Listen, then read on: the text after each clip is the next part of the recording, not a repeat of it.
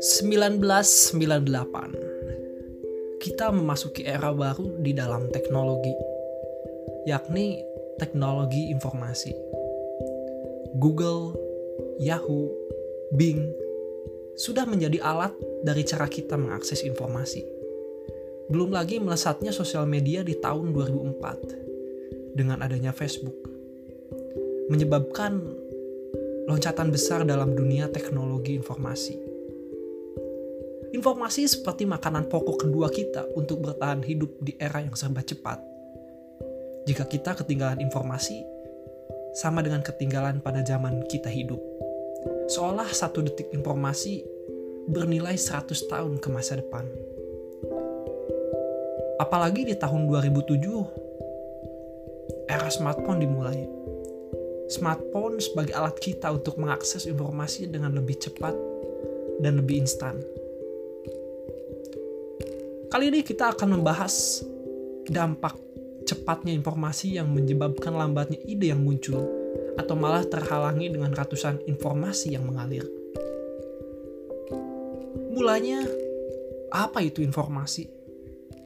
Secara harfiah, informasi adalah sekumpulan data yang telah diolah. Diolah di sini bisa berarti hasilnya adalah sebuah media digital, media kertas, atau media suara setiap informasi tidaklah selalu hal yang benar.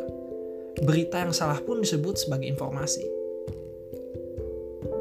Ide adalah konsep, filosofi, pemikiran atau saran tentang tindakan yang mungkin dilakukan. Ide terjadi karena kondisi tertentu. Bisa jadi muncul dari permasalahan, kesalahan, koreksi atau inovasi namun apakah hubungan informasi dan ide ini? Ide itu berisi informasi. Namun informasi belum tentu berisi ide.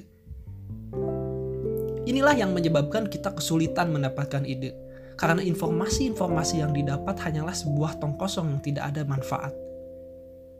Kita tidak bisa lagi menyaring informasi ide dan informasi tong kosong sehingga akhirnya kita kebanjiran informasi, kemudian menjadi lambatnya ide yang masuk. Negara kita butuh ide-ide brilian untuk menjadi lebih baik. Namun, ternyata terhalang dengan tsunami informasi yang datang setiap detiknya. Namun mana yang salah? Apakah informasi yang banyak ini? Tidak informasi tidaklah salah. Yang salah adalah diri kita sendiri yang tidak bisa menyaring informasi. Dan diri kita sendiri yang gagal dan juga gatal menyebarkan informasi kepada orang yang orang lain yang belum tentu kebenarannya.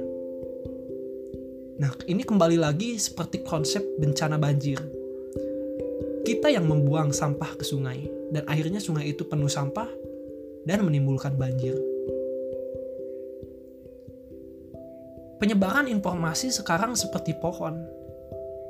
Dari batang hingga ke akarnya memiliki ratusan cabang dengan bentuk dan ukuran yang berbeda.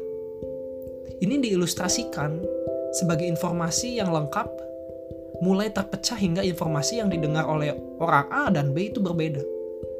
Perbedaan ini yang menyebabkan diskomunikasi dan terpecahnya makna informasi yang sesungguhnya. kita harus punya filter. Filter penyaring informasi dan memisahkan mana informasi, mana ide. Dengan begitu kita tidak kelelahan informasi dan bisa mengeksekusi ide-ide yang berlian untuk diri kita atau negara.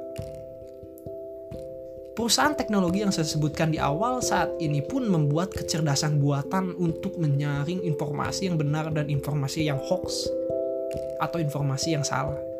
Namun, ini tidaklah cukup untuk mereka membendung informasi yang benar. Jika kita tidak ikut berpartisipasi menyebarkan informasi yang benar kepada masyarakat, kita adalah akademisi, bergerak di bidang pendidikan, di bidang yang paling fatal dalam suatu negara. Bertanya, kritis, skeptis, adalah hal yang ada pada setiap akademisi. Jangan selalu menyimpulkan sesuatu tanpa data yang lengkap. Menyaring informasi, kita harus menyaring informasi agar memunculkan ide-ide untuk menyelesaikan masalah.